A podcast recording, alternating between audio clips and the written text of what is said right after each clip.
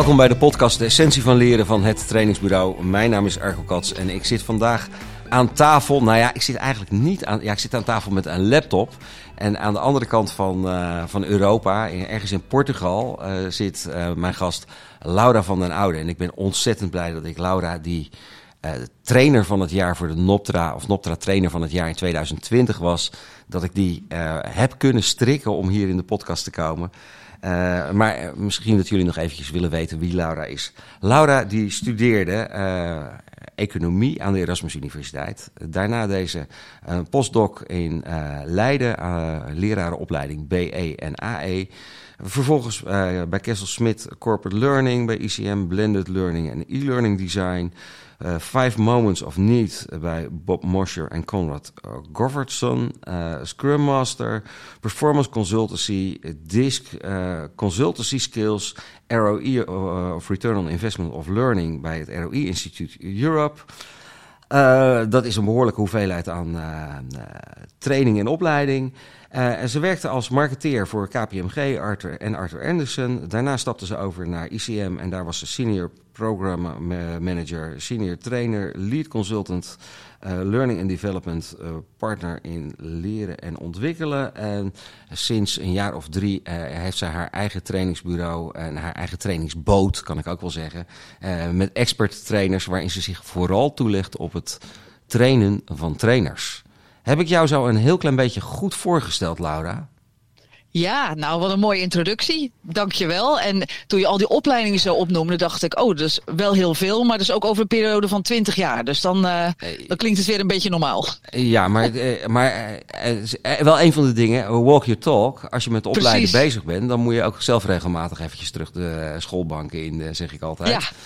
En ja. dat, dat vind ik wel mooi dat je dat doet, want dan heb je ook die andere kant erbij. Uh, nog even één dingetje, want ik ken jou vanuit het trainingsbureau, omdat we jou, een, ik denk dat dat inmiddels een jaar vijf, zes geleden is geweest.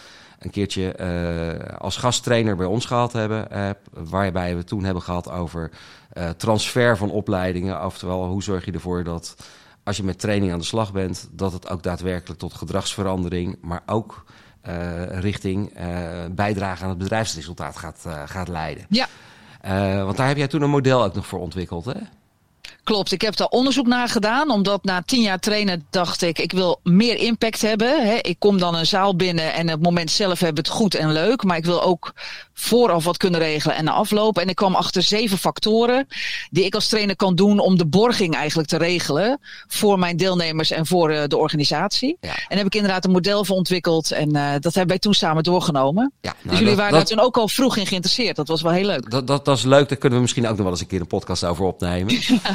daar houden we die te goed. Maar we gaan het vandaag hebben over uh, de ondernemende trainer. En eigenlijk uh, vooral gericht op trainers en ondernemers in het, in het MKB. En in hoe zorg je er nou voor dat dat wat je leert, dat dat ook vertaald wordt in ondernemend gedrag. Dat mensen dingen gaan doen. Dat, ehm, dat is het thema voor vandaag. Ja, klopt.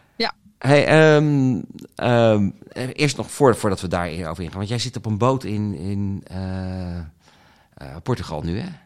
Klopt, ja. We zijn anderhalf jaar geleden vertrokken, mijn vriend Gilles en ik. En uh, we zijn eerst naar Scandinavië gegaan en nu richting Portugal.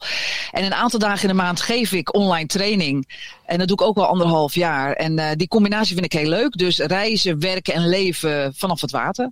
Ja, en dat online, dat, uh, wat, daar zijn we natuurlijk de afgelopen tijd veel mee bezig ja. geweest. Dat heb jij helemaal om, omarmd? Ja, klopt. Toen de coronacrisis begon, toen zat ik natuurlijk net als iedereen van uh, hè, maart 2020 van wat gebeurt er nu? Um, ik was al wel in het bezit van een Zoom-licentie en een Teams-licentie, omdat ik vaak naar Amerikaanse congressen ging. En ja, ja. Zoom is uit 2011. Uh, dus ik was er al wel wat meer op voorbereid. Dus ik dacht, ik ga gewoon trainingen geven aan trainers hoe ze Zoom kunnen gebruiken, Teams kunnen gebruiken en het leuk en interactief kunnen maken. Dus uh, samen met een aantal andere trainers, bijvoorbeeld Arie Speksnijder, die was er dan ook heel vroeg ja. bij, hebben we geprobeerd om de onze beroepsgroep te helpen om verder te gaan met ondernemen online.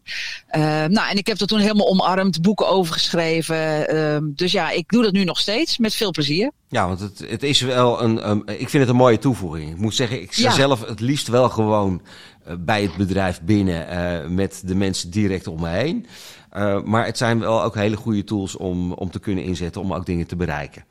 Ja, zeker met kennisgerichte trainingen. Van uh, hoe zit projectmanagement in elkaar, kun je dat ook gewoon prima online doen. Ja, vooral als het gaat om kennis. Als het gaat om gedrag is het wat lastiger soms, hè? Ja, klopt. Ja. ja.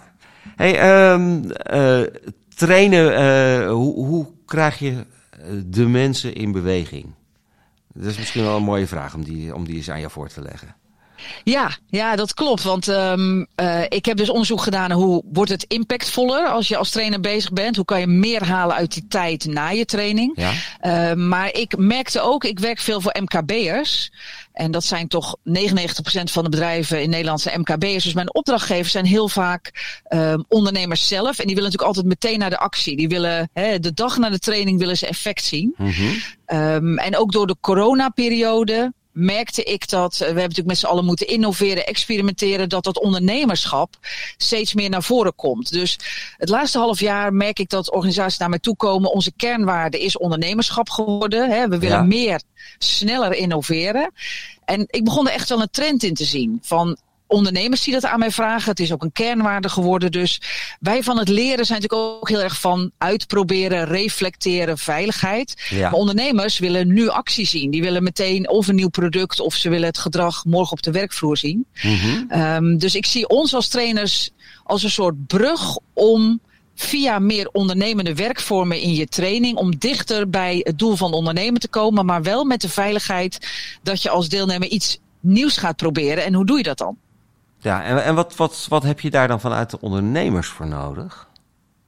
Ja, vanuit de ondernemers heb ik eigenlijk nodig dat ze een duidelijk doel hebben. Wat zien ze dan voor zich als mensen uit de training komen, wat ze gaan doen en hoe ver is hun ambitie. Ik heb ook veiligheid nodig. Hè. Je, als je nieuw gedrag leert, zie je dat niet altijd meteen de volgende dag in de praktijk. Dus mm -hmm. kun je van een ondernemer vragen om te coachen, de randvoorwaarden goed te regelen, um, uh, regelmatig overleggen met het hele team. Waar zijn we nu en wat gaan we als volgende stap doen? Ja. Dus van de ondernemer heeft zeker wat andere vaardigheden nodig dan alleen maar ondernemen. En betekent dat dat als je als trainer daarmee aan de slag gaat, dat je in je voorbereiding met je ondernemer uh, meer tijd moet uittrekken dan dat de meeste ondernemers uh, eigenlijk vanuit zichzelf zouden willen? Ja, ja want die uh, hebben het soms het gevoel, ik delegeer het aan jou. Ja. Uh, succes Laura, ik heb nu even een kwartiertje om te bellen. En je bent een goede trainer, dus uh, ja, ik geef jou het dat. vertrouwen. jij kan dat, ga maar doen. Ja, dus wat ik vaak wel gebruik zijn wel die zeven succesfactoren om te laten zien je gedragsverandering bereik je niet in één dag. Mm -hmm. maar ik ga het ook hebben over wat ondernemerschap is voor die ondernemer. Want uh, dat is denk ik ook nog leuk om dat samen vandaag in de podcast te onderzoeken. Ondernemen, daar zit natuurlijk in hè, praktijkgerichtheid, flexibel, creativiteit. Maar het heeft ook een aantal andere aspecten. Dus ik wil ook dat de ondernemer zich uitspreekt over wat vind jij dan ondernemend gedrag van je medewerkers? Hoe ziet dat eruit? Mm -hmm. um, dus vaak heb je het over de inhoud. Hè? Dus ze willen bijvoorbeeld dat mensen meer projectmatig gaan werken. Um, maar daar zit een laag onder dat de ondernemer dat morgen wil en meteen en ac actiegericht. Mm -hmm. Dus we moeten het ook hebben over wat is dan ondernemerschap voor jou? Hoe ver gaat dat? Hoeveel vrijheid geef je mensen dan? En wat is het ook niet voor jou? Dus ik heb tegenwoordig wel wat andere gesprekken daarover. Ja, uh, vind, ik, vind ik een mooie. Uh, uh, want vooral ook die vraag van wat is ondernemerschap, maar wat is voor ondernemerschap vooral ook dan niet? Ja. Um, wat, wat, tegen wat voor dingen loop je dan aan als je het daar met ondernemers over hebt? Nou, wat ondernemers uh, doen, die handelen eigenlijk op eigen risico. Hè? Dus als je in ja. dienst bent, dan weet je soms niet wat de baas allemaal voor grote afwegingen, grote investeringen moet doen, wat heel vaak voor eigen risico is. Ja. Um, en om daar iets van te voelen, zou je dus in je werkvormen in je training ook daar iets van in moeten zetten. Dus uh, we gaan vandaag iets proberen. Hè? Dus uh, je biedt een werkvorm aan die actiegerichtheid vraagt. Maar er zit ook wel een risico aan. Dus ik wil dat je nu iets gaat proberen wat je nog nooit eerder hebt gedaan. Ja. En wat ook belangrijk is, je gaat het testen live in de training met klanten erbij. Mm -hmm. Want een ondernemer is altijd gericht op, zou de klant dat leuk vinden of interessant vinden? Ja. En wij laten vaak die klant weg uit onze training. Dus dan gaan oh, we met elkaar ik, oefenen. Dat vind ik wel een hele spannende. Uh, ja. Want, want uh, zijn ondernemers ook bereid om, om die klant dan erbij te laten in die training? Ja, juist wel. Ik heb gemerkt dat als ik kan laten zien hoe ik het opbouw. Dus um, als je kijkt naar een ondernemer als Steve Jobs, die had heel vaak een. Hè, toen hij de Macintosh introduceerde, was hij nog helemaal niet klaar. Maar hij had wel een soort minimaal basisproduct waar het aan moest voldoen. En dat wilde hij bij klanten testen, voorleggen. Van is dit iets wat jullie aanspreekt? Ja. Uh, dat, dat noemen we een MVP, een minimum viable product. Dus als ik dan tijd krijg om te trainen. En de eerste paar trainingsmomenten gaan we zo'n MVP creëren. Hè? Dus uh, stel, mensen moeten bijvoorbeeld een nieuw product maken. Dan maken we iets wat aan de basis oké is. En dan in de laatste sessie gaan we het live aan klanten voorleggen. We gaan testen. Zou jij dat iets vinden als ik daar met jou als klant in zou gaan samenwerken? Mm Vindt iedereen mega spannend. Dus zowel de ondernemer als de deelnemers als die klanten zelf. Maar dan gaat het er echt om. Dan moet, dat bereid je goed voor. Want je weet, dit zijn onze echte klanten en die willen ook zien dat het een goede basis heeft. Ja ik heb gemerkt, als ik dat doe, dan komt veel meer ondernemerschap naar voren. Want ik geef mensen ook de vrijheid om van alles te vragen aan die klant. Wat vind je als we dat nog een beetje meer doen of een beetje minder? En we hebben die, die prijs in gedachten. Zou je dat ook iets vinden? Mm dus voor mij is ondernemerschap heeft eigenlijk drie componenten. Je probeert iets nieuws wat je nog nooit eerder hebt gedaan. Er zit wat meer risico aan vast. Het is minder veilig als je dat, hè, als je dat met collega's kan voorbereiden, bespreken of een acteur. Ja, en klanten zijn dus betrokken. Het moet met klanten worden getest. Dan is het pas echt, ook voor die ondernemer. Dat is wel een, uh, wel, wel een mooie. En, ik, en in welke situaties kan je dat dan toepassen? Ja, ik heb ook... Welke uh, vormen van gedrag bijvoorbeeld? Waar, waar, waar... Ja, uh, zaken als um, onderhandelingsvaardigheden bijvoorbeeld. Ja. Uh, doen van een, een elevator pitch. Hè. Je wilt natuurlijk weten hoe dat je overkomt. Um, ik heb uh, in de voorbereiding op onze podcast ook een aantal voorbeelden meegenomen. Ik dacht dat maakte misschien heel levendig. Ja. Um, ik heb twee voorbeelden van, die heb ik zelf niet gedaan, maar ik weet dat trainers dat hebben gedaan. Ja. Uh, onderhandelingsvaardigheden, training onderhandelingsvaardigheden. Iedereen kreeg een tientje mee, letterlijk hè, 10 ja. euro. En de opdracht was, je hebt nu een lunchpauze, die maken we iets langer, anderhalf uur. Uh, er is vandaag markt hier in Utrecht, om de hoek van het trainingsbureau. Ik wil dat je aantoonbaar iets koopt wat 15 euro kostte, maar je hebt ja. maar een tientje. Uh, en dan wordt het spannend, hè? Dan ga je een risico aan. Want gaat het lukken, weet je niet zeker. Ja. Uh, je moet het echt doen. Dus je moet de markt op gaan. Je ziet die bos bloemen van 15 euro. Je zegt, ik heb maar een tientje. En krijg jij het geregeld. En ook aantoonbaar dat die bos bloemen echt 15 euro was. Ja ja, in een training onderhandelingsvaardigheden, als je dat doet, hoe tof is dat? Dus ik heb met die trainer ook gesproken die dat heeft gedaan. Ja, en toen kwamen natuurlijk de verhalen los van ik vond het moeilijk, ik kreeg het niet voor elkaar of ik kreeg het wel voor elkaar en ik heb het gedurfd. Ja. Dus dat vond ik een heel leuk voorbeeld. Dat voldoet dus ook aan mijn drie voorwaarden. Hè? Risicovol en echt met in het echt eigenlijk, ja. hè, met klanten. De andere was een trainer die gaf in Rotterdam training. En dat ging over sollicitatievaardigheden. En een onderdeel was een elevator pitch. Die heeft dat heel letterlijk genomen. Die was in de Rotterdam. Ja. Dat is een heel hoog gebouw. Die is met die mensen naar de elevator gegaan. Ja. He, dus uh, 25 verdiepingen hoog. Ze hadden hun elevator pitch eerst even in alle rust voorbereid. Maar het moest gebeuren. Dus ze stapten met die training. Met de trainers stapten die lift in. En de mensen die dan in die lift stonden, die werden dan getrakteerd.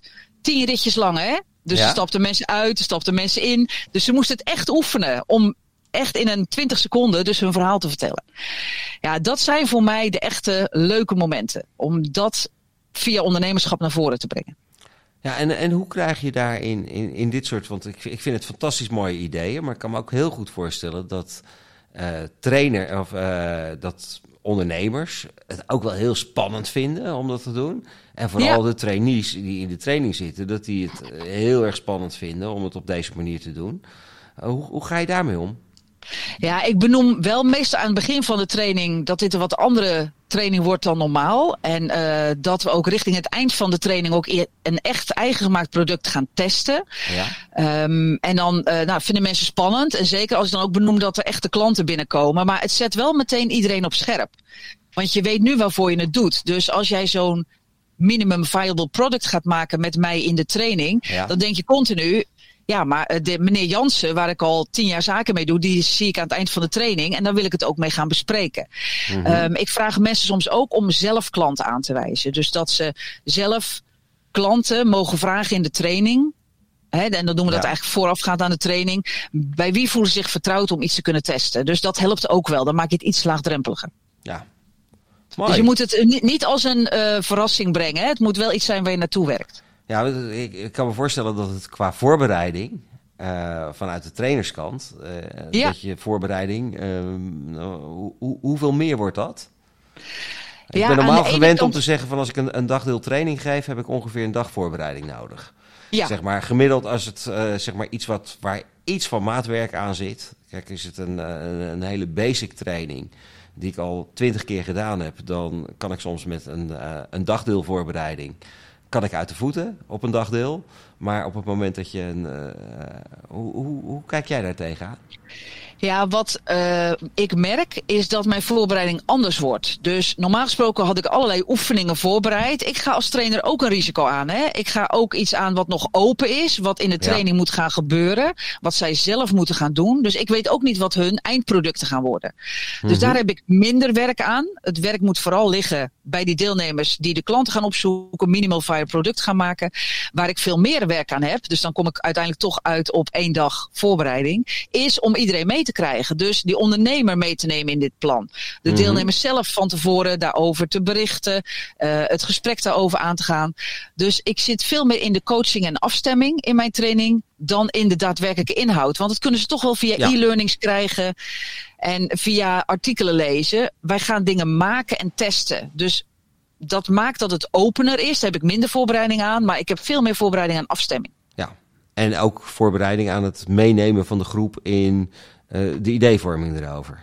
Ja, en tussentijds, hè, want dit kan je niet in één sessie doen. Dus dit nee. moeten minstens twee, drie dagdelen zijn. Dus tussentijds gaan ze mij ook opzoeken, omdat ze voelen, uh, het gaat nu om het echi. Ja. Ik voel dat er risico aan zit. Ik voel mezelf nu ook meer ondernemer. Dat krijg ik dus ook terug. Ja. Uh, dus het doet ook iets met trots en groepsgevoel. Ze gaan het ook eerst soms bij elkaar testen. Ja. Dus wat je eigenlijk wil stimuleren in een training, gaat ook buiten die training gewoon door en gaat gewoon verder. Ja, dat, dat vond ik wel het mooie van wat er een uh, soort onverwachte bijvangst, merkte ik. Ja, mooi is dat, hè? En hoe, ja. hoe ben je daar zo op gekomen om, om dat op deze manier te, te benaderen? Ja, ik uh, ben nu zelf, zoals je zei, drie jaar zelf ondernemer. Dus ik merk ook dat uh, niet met een dichtgetimmerd product komen, maar veel eerder zo'n MVP hebben en dat testen bij je klanten, daar heb ik zelf zoveel van geleerd. En ik geloof dat als trainer neem je ook jezelf mee in je training. Jij leert ja. ook continu. Uh, dus ik begon het bij mijn klanten te merken, maar ook bij mezelf. En toen dacht ik, ik ben ook aan het zeilen, daar is het heel erg mee vergelijkbaar. Als, als zeiler stippel je ook een route uit en een ja. minimaal pad. Hè. Je moet met de riffen rekening houden, met stroming. Maar ik weet nooit hoe het echt gaat zijn. We gaan dan zeilen en het loopt altijd anders ja. dan verwacht. Maar ik heb wel de grote punten heb ik wel op het oog. En dat moet je een beetje metafoor voor. Ik heb concurrenten op het oog. Ik heb prijzen op het oog. Dus de grote lijnen weet ik. Maar hoe het echt gaat is een avontuur met je klanten samen. Ja. En je hebt natuurlijk uh, met dat zeilen, je hebt wel de vaardigheden om te zeilen. Dat, ja. En, en, ik heb ook de vaardigheden om mensen te begeleiden met klanten en ze om in leuke werkvormen mee te nemen. Ja, en, en dat, is, dat is natuurlijk ook binnen organisaties is dat wel een, een, een ding. Mensen moeten wel bepaalde vaardigheden, bepaalde uh, dingen kunnen. Ja. Uh, voordat je uh, op dit niveau aan de slag kan. Ja, het vraagt ook bepaald taakvolwassenheid van ja. mensen, merk ik. Uh, dus de, met de ondernemer, maar ook met de deelnemers zelf, moet je ook een contract afsluiten. Willen jullie dit aangaan? Willen jullie meer dan dat je normaal zou krijgen in de training? Namelijk, nu word je zelf een soort mini-ondernemer. Ja. Um, en niet elke groep staat daarvoor open. Zeker niet met beginnende skills. Ik weet niet of mm -hmm. je het dan moet doen. Maar als je een stap verder wil met meer senior medewerkers, zou ik dit zeker willen. Ja, ik denk dat het daar een hele leuke voor is. En ook, ook zeg maar dat het weer de ogen openzet bij mensen om uh, van er is nog meer te halen. Ja. Dat je de automatische piloot even uitzet. Dat is het. En um, om een voorbeeld uit mijn eigen praktijk te geven, dit heb ik een maand geleden gedaan. En uh, ik, ja, dat pakte heel fijn uit. Dat waren mensen van een zorgcentrum in Twente. Ja. Senior trainers. En die wilden meer blended learning gaan implementeren. Dan had ik heel makkelijk kunnen zeggen. He, we gaan de drie dagdelen, ga ik jullie in een stappenplan meenemen. En dan ga je een eigen training, ga je ombouwen dan blijft het nog steeds een beetje veilig en op afstand. Mm -hmm. Dus wat we nu hebben gedaan, ik heb een stappenplan van tevoren gemaild, filmpjes over gemaakt. Uh, ze moesten een training meenemen, maar ze moesten ook een onderwerp meenemen wat nog helemaal niet ontwikkeld was, maar waarvan ze al een jaar denken: dit moeten we eigenlijk met onze cliënten doen. Mm -hmm. uh, bijvoorbeeld uh, intimiteit met cliënten. Dat was bijvoorbeeld een belangrijk thema of intimiteit tussen cliënten onderling. Ja. Toen zei ze, daar wil ik eigenlijk een training voor aanbieden, maar dat hebben we helemaal niet op het programma staan. Dus die zijn we gaan ontwikkelen. Mm -hmm. En we hebben dus aan het eind van de training cliënten gehad waarmee we ons draaiboek voor blended learning gingen doornemen en hun reactie vroegen. Ja. Super spannend. He, dus velen stapten toch af van hun vertrouwde training, die ze dan een beetje blended gingen maken. Maar ze gingen ook nieuwe producten bedenken, ja. omdat ze het als een kans zagen om dat aan hun cliënten voor te leggen. Um, en na de, ik moest ook zelf als trainer wel wat loslaten. Want ik had natuurlijk al bedacht, Pietje gaat met Klaasje en Petra gaat met Debbie. Maar tijdens de training ontstond, ja, we willen eigenlijk andere groepjes. Want Ja. uh, jou ken ik nog niet zo goed als collega. Ja, dat moet je ook een beetje loslaten als trainer. Je kan niet alles dichttimmeren. Mhm. Um, ja, het werd een hele leuke sessie waarin cliënten ook best pittige kritiek gaven. Van ja, je hebt al bedacht als trainer dat dat leuk is. Vind ik eigenlijk helemaal niet zo leuk of relevant. Uh, Ja. Bij mij gaat het meer hierom. Dus Ja. ze kregen echt concrete feedback terug. Dus ze hebben die training voor de volledige versie ook meer kunnen aanpassen. Nadat ze het getest hadden. Ja, het is natuurlijk ook wel een, een, een, een, boeiend thema, hè, die intimiteit. eh. Ja, Dat, volgens mij is dat, dat ook wel een van de dingen die eh, de laatste tijd steeds vaker een rol speelt. Van ja, wat, wat kan je nou wel zeggen, wat kan je nou niet zeggen? Ja. eh, en, en, en waar ga je het gesprek over hebben? ja, en dit gebeurde precies wat jij nu zegt. Toen ze met die cliënten daarover gingen praten. Want op een gegeven moment hoorde ik ook dat die trainers zeiden... ja, jullie vinden dit natuurlijk moeilijk hè, als cliënten. En toen zeiden ze, wacht even, je bent over ons aan het praten... Ja, maar niet met ons. En in de training willen wij zelf vertellen waar wij mee worstelen. Dus uh, precies de valkuil die ik ook wel eens heb gehad als trainer... dat ik het helemaal dichttimmerde met leuke, voorspelbare werkvormen... ja. vroegen die cliënten om, laat ons zelf het gesprek aangaan... en zelf met oplossingen komen. ja. En dat betekent dus het loslaten van de verwachte uitkomst. Dat is het, ja. Dus meer risico. En voor ons als trainers is dat altijd spannend. Want je hebt een soort stappenplan waarmee je naar een zekere uitkomst toe werkt. Ja. Je kan nog steeds een stappenplan hanteren als een minimal viable product. Dat de basiskwaliteit op orde is. Maar daarna moet het eigenlijk van je deelnemers komen. Die moeten het zelf gaan creëren. Ja, uiteindelijk is dat natuurlijk altijd hetgeen. Hè? Ik bedoel, de, de deelnemers, die moeten aan de slag met Ja. hetgene wat je doet in een training. En ik denk wat de Geef je ondernemer... eigenlijk ook gewoon veel meer veiligheid dan? Want je zei net van, je moet die veiligheid een beetje loslaten. Maar volgens mij ga je veel meer op de rol zitten van, ik ga de veiligheid geven om met de mensen samen een onveilige situatie aan te gaan. Ja, dat vind ik wel een hele mooie. Ja, ik creëer de omstandigheden waarin zij zelf... Waarin zij dat Eh, kunnen doen. Zij kunnen het risico gaan opzoeken. En jij Ja. zorgt dat dat risico, dat, dat, eh, dat men daar een soort, soort valkuil bij, of een, een, een valscherm bij heeft. Ja, Waar, waar, waarin je kan zeggen van ja, maar we gaan achteraf gaan we ook reflecteren. Wat, wat gebeurde er? Ja, en dat doe ik altijd na afloop. We gaan nog eens een keer die laatste sessie met de cliënten nog eens een keer doornemen. Ja? Ehm, want die ondernemer vindt dat helemaal niet zo spannend. Voor die ondernemer is het een succes dat iets is getest bij klanten. en die is dan klaar. Maar- En die staan klaar. en dat, dat, maar ik- daar moet je voor waken als trainer natuurlijk. Dat je zegt van hé, maar hou eens even ondernemer. Je bent nog niet klaar. Jij hebt wel wat jij wilde hebben, maar het team is nog niet zo. Dat is het. En kijk, ik ben geen marktonderzoekbureau. Dus ik ben nog steeds een trainer die mensen meeneemt in gedragsverandering. Dus we hebben het getest. Het is succesvol geweest. Maar daarna wil ik het ook overdragen aan die ondernemer om te blijven coachen. Ja. En met die groep te reflecteren. Hoe kunnen jullie elkaar blijven helpen met dit ondernemende gedrag? Dus dan komt de trainer weer in mij naar boven. Dus dan laat ik het coachen wat meer weg. En dan draag ik het over eigenlijk aan de groep zelf en de ondernemer. Vind ik trouwens nu wel mooi. Je hebt het over coachen en trainen. Eh, wat is in jouw ogen het verschil tussen die twee? Ja, met trainen ben je vooral bezig om um, kennis, inzicht en vaardigheden over te brengen. Uh, bij coachen ga je het veel meer hebben over uh, gedragsverandering. Uh, wat houd je toch nog tegen? Hè? Ondanks dat ik met stappenplannen ben gekomen en dat je het Ja. hebt uitgeprobeerd. Dus dat, wat jij zo mooi noemde, dat vangnet, dan ben je meer een coach. Dan hebben ze de informatie al gehad en nu gaan ze het proberen. En nu ben ik jouw grootste supporter die jou gaat helpen om het tot een succes te brengen. Ja. Nou, daarna word ik weer de trainer die zegt, nu moeten we het gaan borgen, alles wat jullie hebben gedaan. Ja. En nu moet je eigenlijk zelf, hè, de ondernemer moet de coach worden. En jullie moeten onderling als groep elkaar gaan coachen. En dat ga ik dan begeleiden. Dus als trainer lever je het format aan waarbinnen dingen gebeuren en het, het kader en het, uh, het, uh, ja, moet zeggen, de theorie neem je mee. Ja. En dan zeg je, we gaan daarmee in de praktijk aan de slag. Als coach ondersteun je dan, uh, gaan we het doen? hoe voelt dat? Uh, wat doe je erbij? wat zijn de effecten? Wat zijn de resultaten? Uh, dan reflecteer je en vervolgens kan je nog weer even de terugkoppeling pakken naar wat hebben we als trainer nou gedaan? in hoeverre sluit het aan op die theorie? komen we daar weer bij terug? Past dat daar ook daadwerkelijk in, ja of nee? Ja, en dat laatste stukje is zo belangrijk, omdat een, een eenmalige goede succeservaring biedt nog geen garantie op toekomstig gedrag. Dus we moeten het ook hebben over wat gebeurde er met jou? Wanneer vond je het spannend? Hoe, hoe heb je dat overkomen? want je hebt het wel gedaan. Uh, dus dat reflectiemoment en elkaar erop bevragen en weten waar het voor de een spannend wordt en waar het voor de ander spannend wordt. Hè? Want de een is veel meer ondernemend dan de ander van nature. Ja, dat is wel een belangrijk groepsgesprek. En daar uh, haal ik vaak die ondernemer aan het eind ook erbij.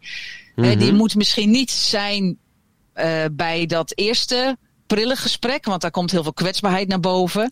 Van ik vond het stoer wat jij deed, dat durf ik nog niet. Maar die ondernemer moet er later wel bij komen om het plus, voor te pakken. Plus wat, wat mijn ervaring is met ondernemers erbij, dat die in het begin ook nog wel eens een keertje zelf hun eigen ondernemende gedrag zodanig op de voorgrond zetten dat medewerkers automatisch in de volgstand stappen.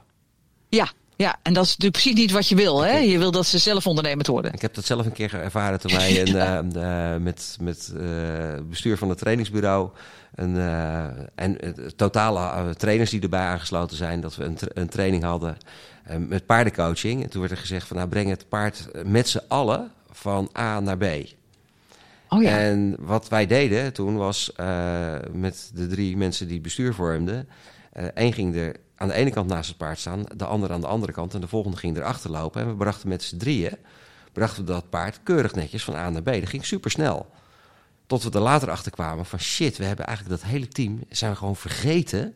Ja. Want we moesten het met z'n allen doen. En wie hebben het weer gedaan? Wij hebben het gedaan. Dus we hebben eigenlijk gewoon de kans ontnomen aan mensen om dat, die leerervaring mee te nemen. Ja, ja, dat was voor ons was dat een, eh, een enorme eye-opener waar we nog vaak op teruggekomen zijn. Ja. en dat, dat, is, dat is natuurlijk ook wel een van de dingen als, uh, ja, in het, dat ondernemerschap, dat je de, uh, of als je gaat trainen met ondernemers, dat je ook heel duidelijk de rol dan moet pakken van in welke rol zit de ondernemer.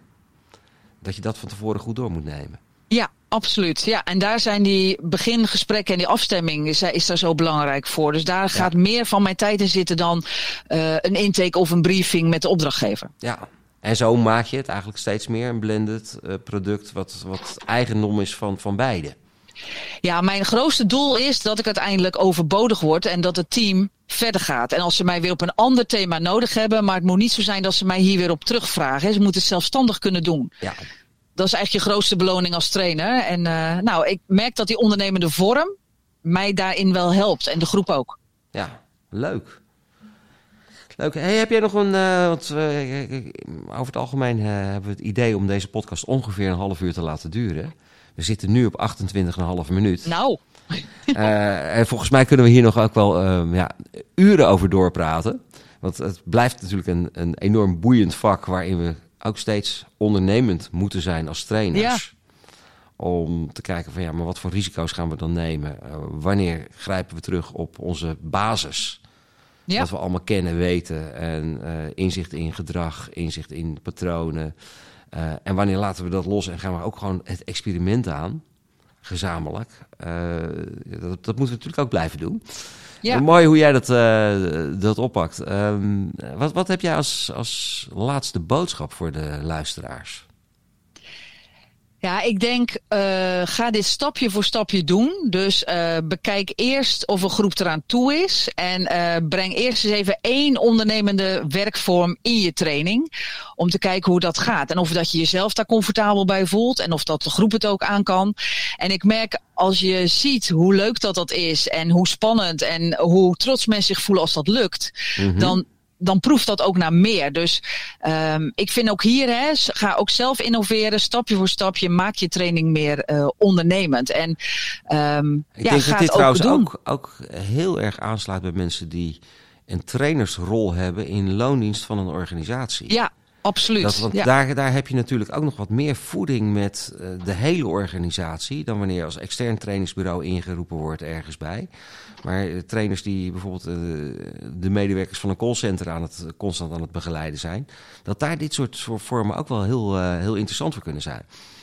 Ja, absoluut. En ook zeker als je merkt dat de kernwaarden van een bedrijf steeds meer die kant op gaan. Hè? Ja. Uh, initiatief nemen, ondernemerschap. Ja, daar is mooi als jij daarbij kan aansluiten als trainer. Dus ja, kill your darlings. Durf je oude, succesvolle, veilige werkvormen uh, te laten vallen. En probeer een aantal nieuwe uit die net zo succesvol kunnen worden voor de toekomst. Mooi, mooi. Hey, uh, trainers die zich door jou willen laten inspireren. Waar kunnen die jou vinden? Ja, op mijn website experttrainers.nl. Daar vind je de e-books die ik heb geschreven, de trainingen die ik aanbied. Dus een aantal dagen per maand bied ik anderhalf uur online training aan. Dus uh, kom een kijkje nemen op de Online Academy. En uh, dit soort onderdelen zitten er ook in. Hè? Dus uh, adviesvaardigheden, ondernemerschap. Ik ben dat steeds meer wel aan het promoten en stimuleren. Dus expert trainers, is met een T erachter, hè? Expert, toch? Ja, twee T's in het midden, expert trainers. Want ik werk ook met meerdere mensen in mijn organisatie. Ja. .nl. .nl. Nou, dat, en uh, mocht je ze daar niet kunnen vinden, dan kan je altijd uh, even contact opnemen met het trainingsbureau.nl. en ja, daar, dan, brengen we je gewoon in contact met Laura. Dus dat komt helemaal goed. Hey, hartstikke bedankt voor, voor deze podcast. Ik denk dat er een heleboel mooie, inspirerende stukjes in gezeten hebben. En ja, hiermee gaan we de podcast afsluiten. Dus als het goed is, komt de eindtune weer. Luisteraars, dankjewel voor het luisteren. En blijf nadenken over hoe we ehm, kunnen blijven innoveren, ondernemen en trainen en blijven leren. Want dat maakt het leven zo mooi. En tot de volgende podcast.